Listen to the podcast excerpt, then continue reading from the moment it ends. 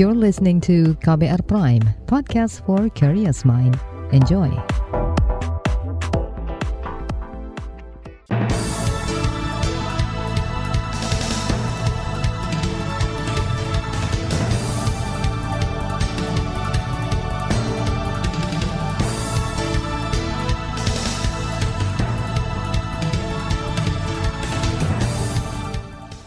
Selamat pagi saudara, senang sekali kami bisa menjumpai Anda melalui program Buletin Pagi edisi Rabu 30 November 2022.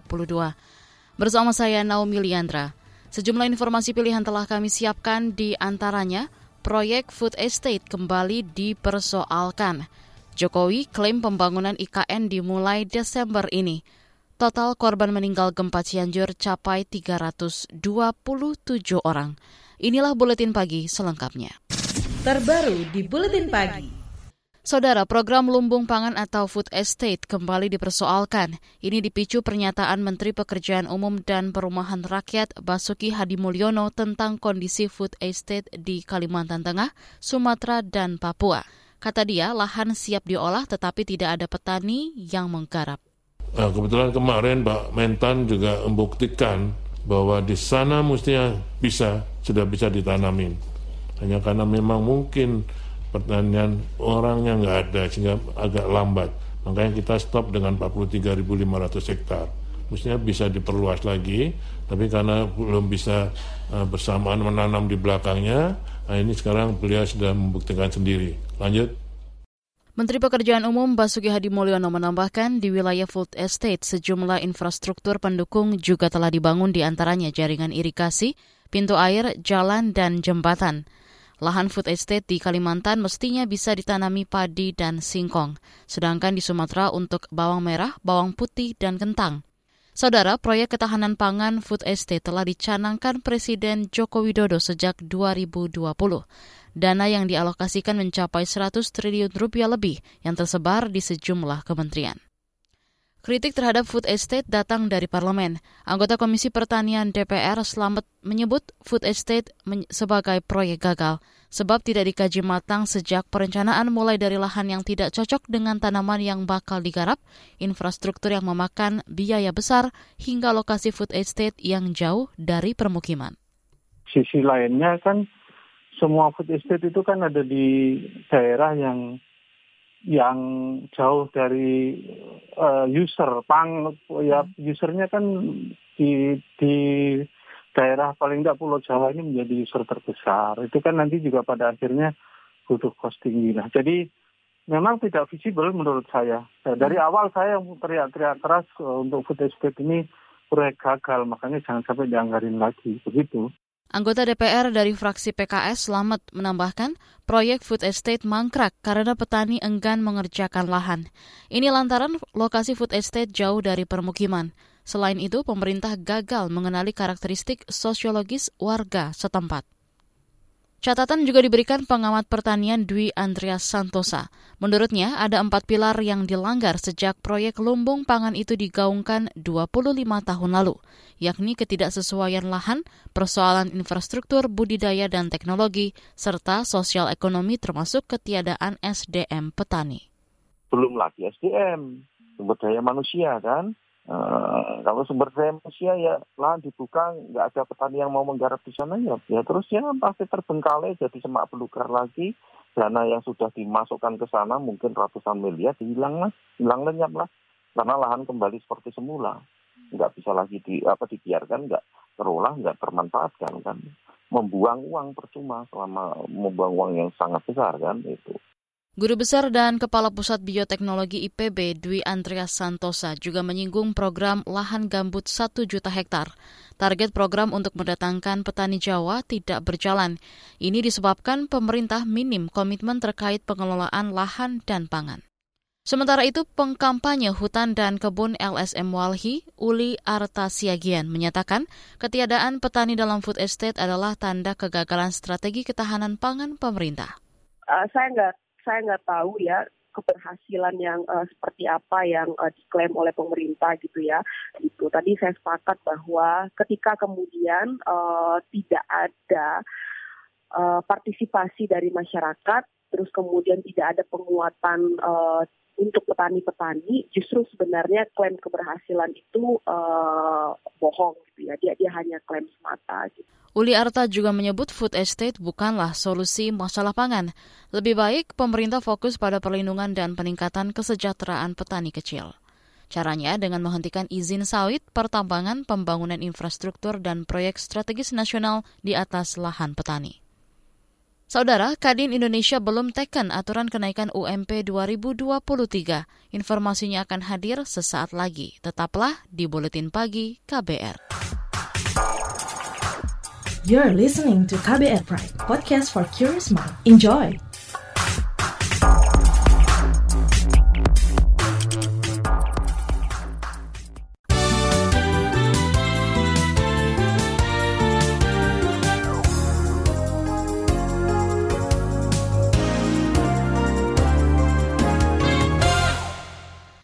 Saudara Presiden Joko Widodo menyatakan pembangunan infrastruktur di kawasan inti ibu kota Nusantara IKN telah dimulai.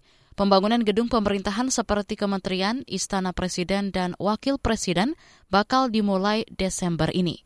Hal itu disampaikan Jokowi saat kunjungan kerja di Pontianak, Provinsi Kalimantan Barat kemarin. Ya IKN ini kita sudah memulai untuk infrastrukturnya sudah uh, dam untuk suplai air baku ke IKN sudah selesai Januari. Infrastruktur untuk yang kawasan inti sudah dimulai. Presiden Jokowi mengklaim pembangunan IKN didukung masyarakat Kalimantan, utamanya suku Dayak. Kata dia, Dayak Center juga bakal dibangun di sekitar wilayah IKN sesuai permintaan masyarakat adat. Beralih ke informasi lain, Kamar Dagang dan Industri Kadin belum bersedia menandatangani penetapan upah minimum Provinsi UMP 2023 berdasarkan Peraturan Menteri Ketenagakerjaan tahun 2022. Wakil Ketua Umum Kadin Indonesia Adi Mahfudz beralasan belaid itu masih mereka gugat di Mahkamah Agung. Karena kan e, Permenaker 18 kan tidak menganulir dari sisi, nggak mungkin e, peraturan yang di bawahnya menganulir tanda kutip tidak memperlakukan e, PP 36. Itu tidak mungkin. Artinya bahwa kedua regulasi tersebut berlaku, Pak. Jadi boleh kita pakai PP 36 dan boleh juga pakai Permenaker 18. Tapi makanya dari sisi e, inilah, e, makanya kan pengusaha itu kan yang paling penting adalah kepastian hukum, gitu ya. Nah kepastian hukum itulah yang harus kita kedepankan bersama. Wakil Ketua Umum Kadin Indonesia Adi Mahfudz meminta semua pihak menghormati apa pun putusan MA nanti. Kita ke informasi kesehatan. Saudara, imunisasi polio serentak telah dimulai di Kabupaten Pidi, Aceh.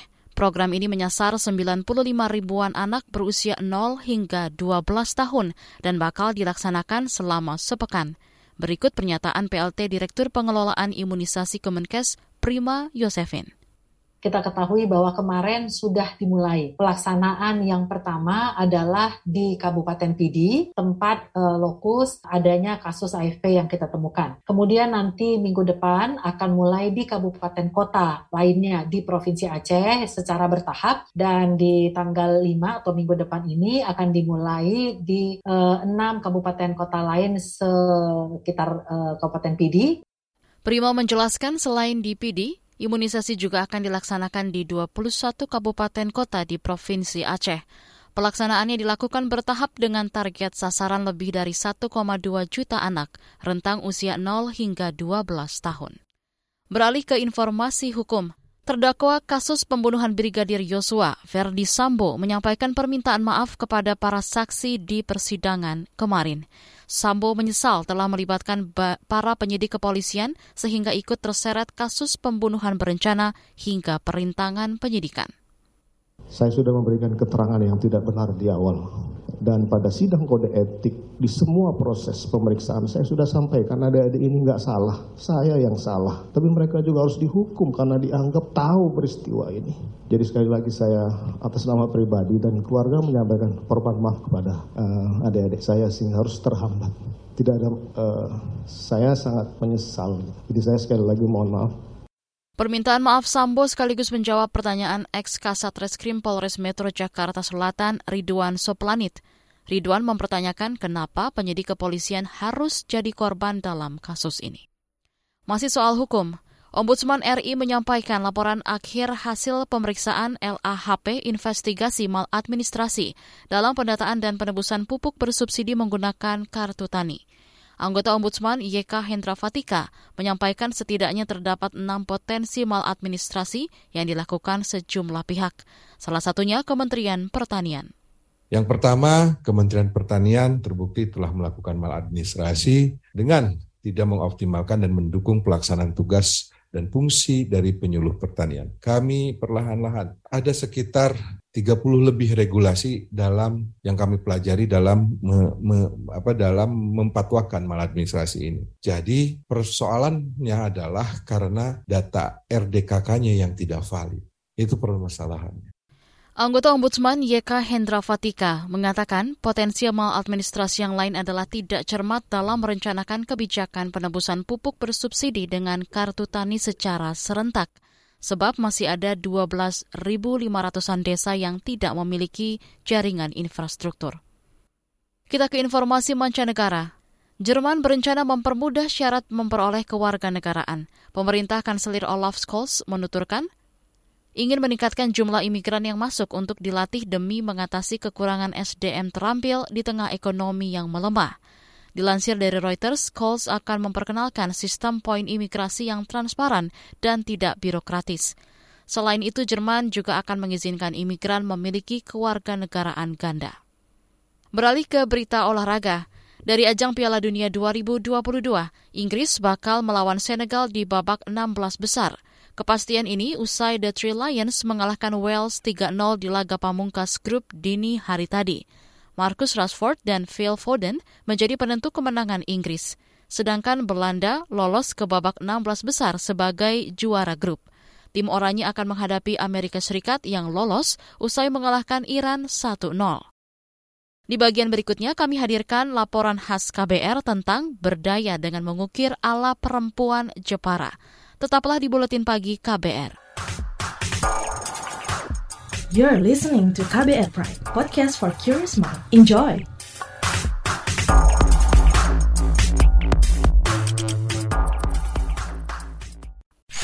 Commercial break. Commercial break.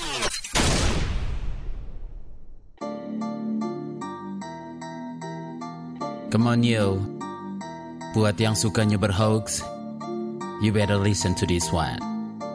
Check this one out yo. Hati-hati kalau baca kabar hoax.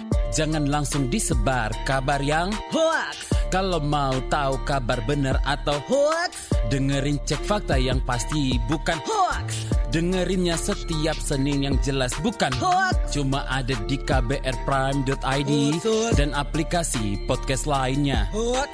Sudah cukup-cukup hoaxnya? Hoax. Cukup. Jaga emosi, tahan jari, verifikasi sebelum dibagi. Saya Ari Bowo Sasmito, Ketua Komite Pemeriksa Fakta Mafindo. KBR Prime, podcast for curious mind.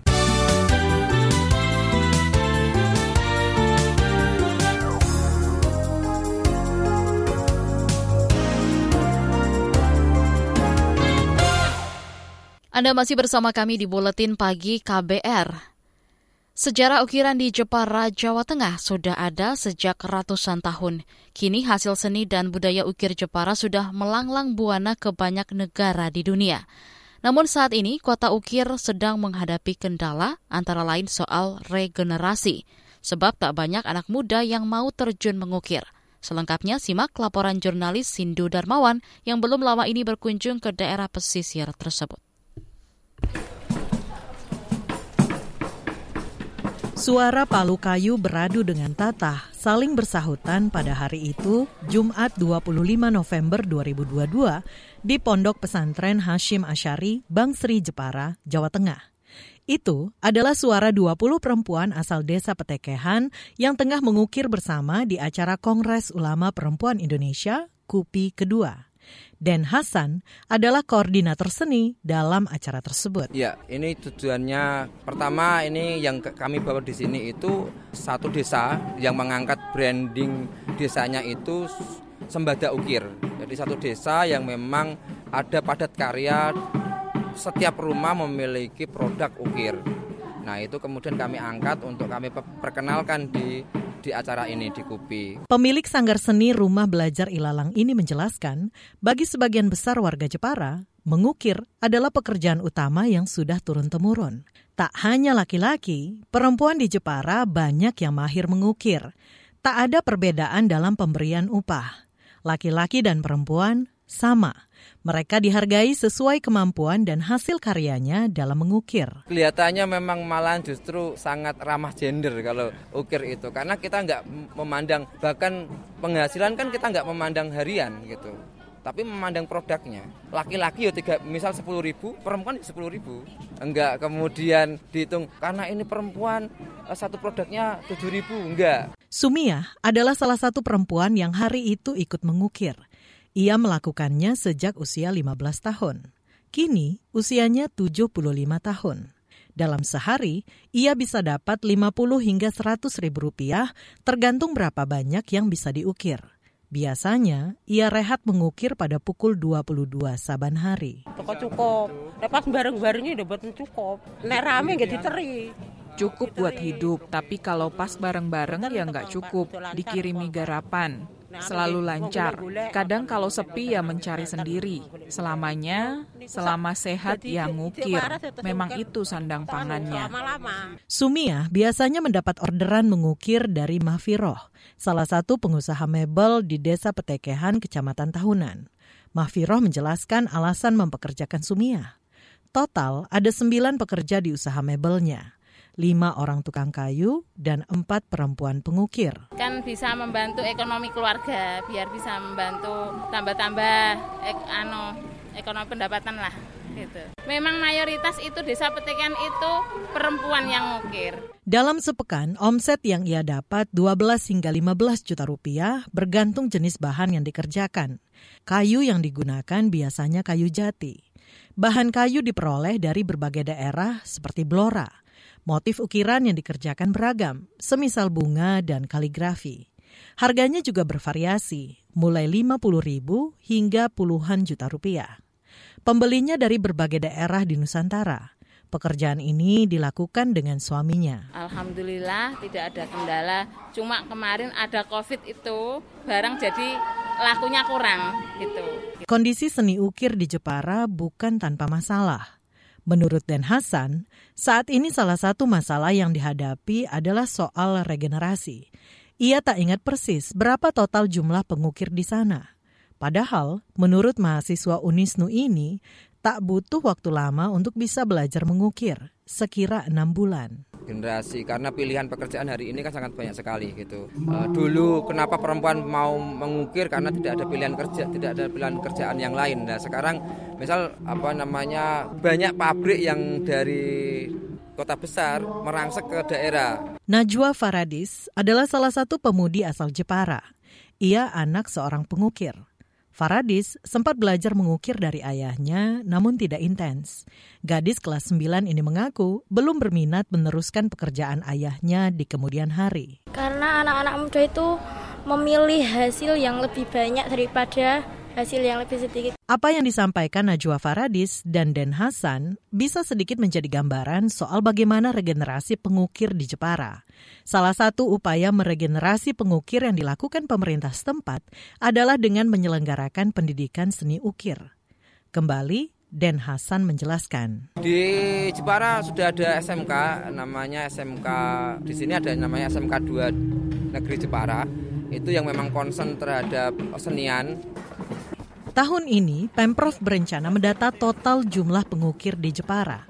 Setelah itu, Pemprov akan menentukan kebijakan yang sesuai untuk melestarikan seni yang sudah ada sejak abad 16 atau era keemasan Ratu Kalinyamat. Demikian Saga KBR. Saya Aika Renata. Informasi dari berbagai daerah akan hadir usai jeda. Tetaplah bersama Buletin Pagi KBR. You're listening to KBR Pride, podcast for curious mind. Enjoy!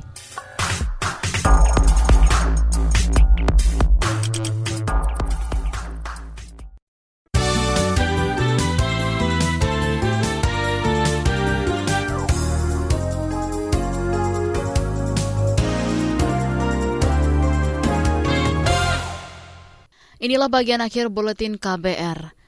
Saudara Satuan Tugas Penanganan Gempa Cianjur kembali menemukan korban meninggal dunia dalam 24 jam terakhir. Komandan Distrik Militer Cianjur, Haryanto, mengatakan total jumlah korban jiwa akibat gempa Cianjur mencapai 327 jiwa. Eh, sampai dengan waktu sekarang, jam sekarang, korban jiwa meninggal dunia sejumlah 300 27 jiwa. Hasil pencarian sampai dengan Selasa 29 November ditemukan sejumlah 4 jiwa. Komandan Distrik Militer Cianjur Haryanto menambahkan, korban yang masih dinyatakan hilang tersisa lima orang. Namun jumlah ini kembali bertambah karena ada laporan orang hilang di Desa Cijedil sebanyak enam orang dan di Desa Mangunkerta sebanyak dua orang. Sementara itu jumlah pengungsi gempa Cianjur sebanyak seratusan ribu orang yang tersebar di 450-an titik pengungsian. Beralih ke Papua, Kementerian Kesehatan tengah fokus menyelesaikan masalah penyakit HIV AIDS yang masih tinggi di Provinsi Papua dan Papua Barat. Direktur Pencegahan dan Pengendalian Penyakit Menular Kemenkes Imran Pambudi mengatakan HIV memang menjadi permasalahan besar di hampir seluruh negara dunia. Dan infeksi HIV ini masih menjadi masalah kesehatan global dan nasional, di mana untuk di Asia Tenggara sendiri itu menyumbang dari 10% dari total beban HIV di seluruh dunia. Dan di Indonesia, prevalensi HIV sebagian besar di wilayah itu ada 0,26 persen, sedangkan di Papua dan Papua Barat itu 1,8 persen. Jadi kita memang perlu memberikan perhatian yang lebih banyak untuk Papua dan Papua Barat untuk HIV/AIDS. Imran Pambudi menjelaskan ada tren penurunan kasus dalam kurun waktu 12 tahun. Pada 2010 tercatat ada 52 ribuan kasus dan pada 2022 turun drastis ke angka 26 ribuan kasus. Sementara itu secara nasional pada 2010 hingga 2022 tercatat jumlah pengidap HIV AIDS mencapai 526 ribuan kasus. Sayangnya baru 79 persen yang sadar dan hanya 41 persen yang melakukan pengobatan. Masih dari Papua, Kepolisian Resor Polres Manokwari, Papua Barat menetapkan tiga orang sebagai tersangka makar terkait peringatan HUT Kemerdekaan Papua 27 November lalu. Saat itu peringatan HUT Kemerdekaan Papua diikuti puluhan orang di Terminal Pasar Wosi, Manokwari, Papua Barat.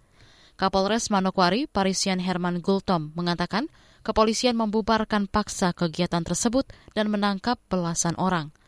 Setelah dilakukan penyidikan, tiga di antaranya terbukti melanggar pasal makar. Kita mengamankan 15 orang sudah dilakukan pemeriksaan. Dari hasil pemeriksaan, dari 15 itu, tiga orang kita tetapkan memenuhi unsur makar ya pasal 106. Ya tiga orang kita tetapkan sebagai tersangka, 12 yang lain eh, kita tetapkan status sebagai saksi. Kapolres Manokwari, Parisian Herman Gulto menjelaskan, masing-masing peran tiga tersangka dalam aksi tersebut. AN berperan sebagai penghubung antara pimpinan negara federal Papua Merdeka, KY sebagai koordinator aksi, dan AB berperan mengumpulkan massa. Sementara 12 lainnya diperiksa sebagai saksi. Terakhir kita ke Bangka Belitung. Di hari ketiga pencarian korban helikopter polisi P1103 di Belitung Timur, Kepulauan Bangka Belitung. Tim SAR kembali menemukan satu jenazah baru anggota Polri. Dengan begitu dua korban telah ditemukan atas nama Bribda Hoirul Anam dan Bribtu Moh Lasminto. Kepala Korpolairut Indra Miza dalam keterangannya menyebut kedua jenazah akan dikirimkan ke Jakarta hari ini. Mizar menambahkan pencarian masih dilanjutkan untuk menemukan dua korban lagi atas nama Arif Rahman Saleh dan Joko Mudo. Informasi tadi menutup jumpa kita di Buletin Pagi hari ini. Pantau juga informasi terbaru melalui kabar baru, situs kbr.id, Twitter kami di akun @beritaKBR, serta podcast di alamat kbrprime.id. Akhirnya, saya Naomi Liandra bersama tim yang bertugas undur diri. Salam.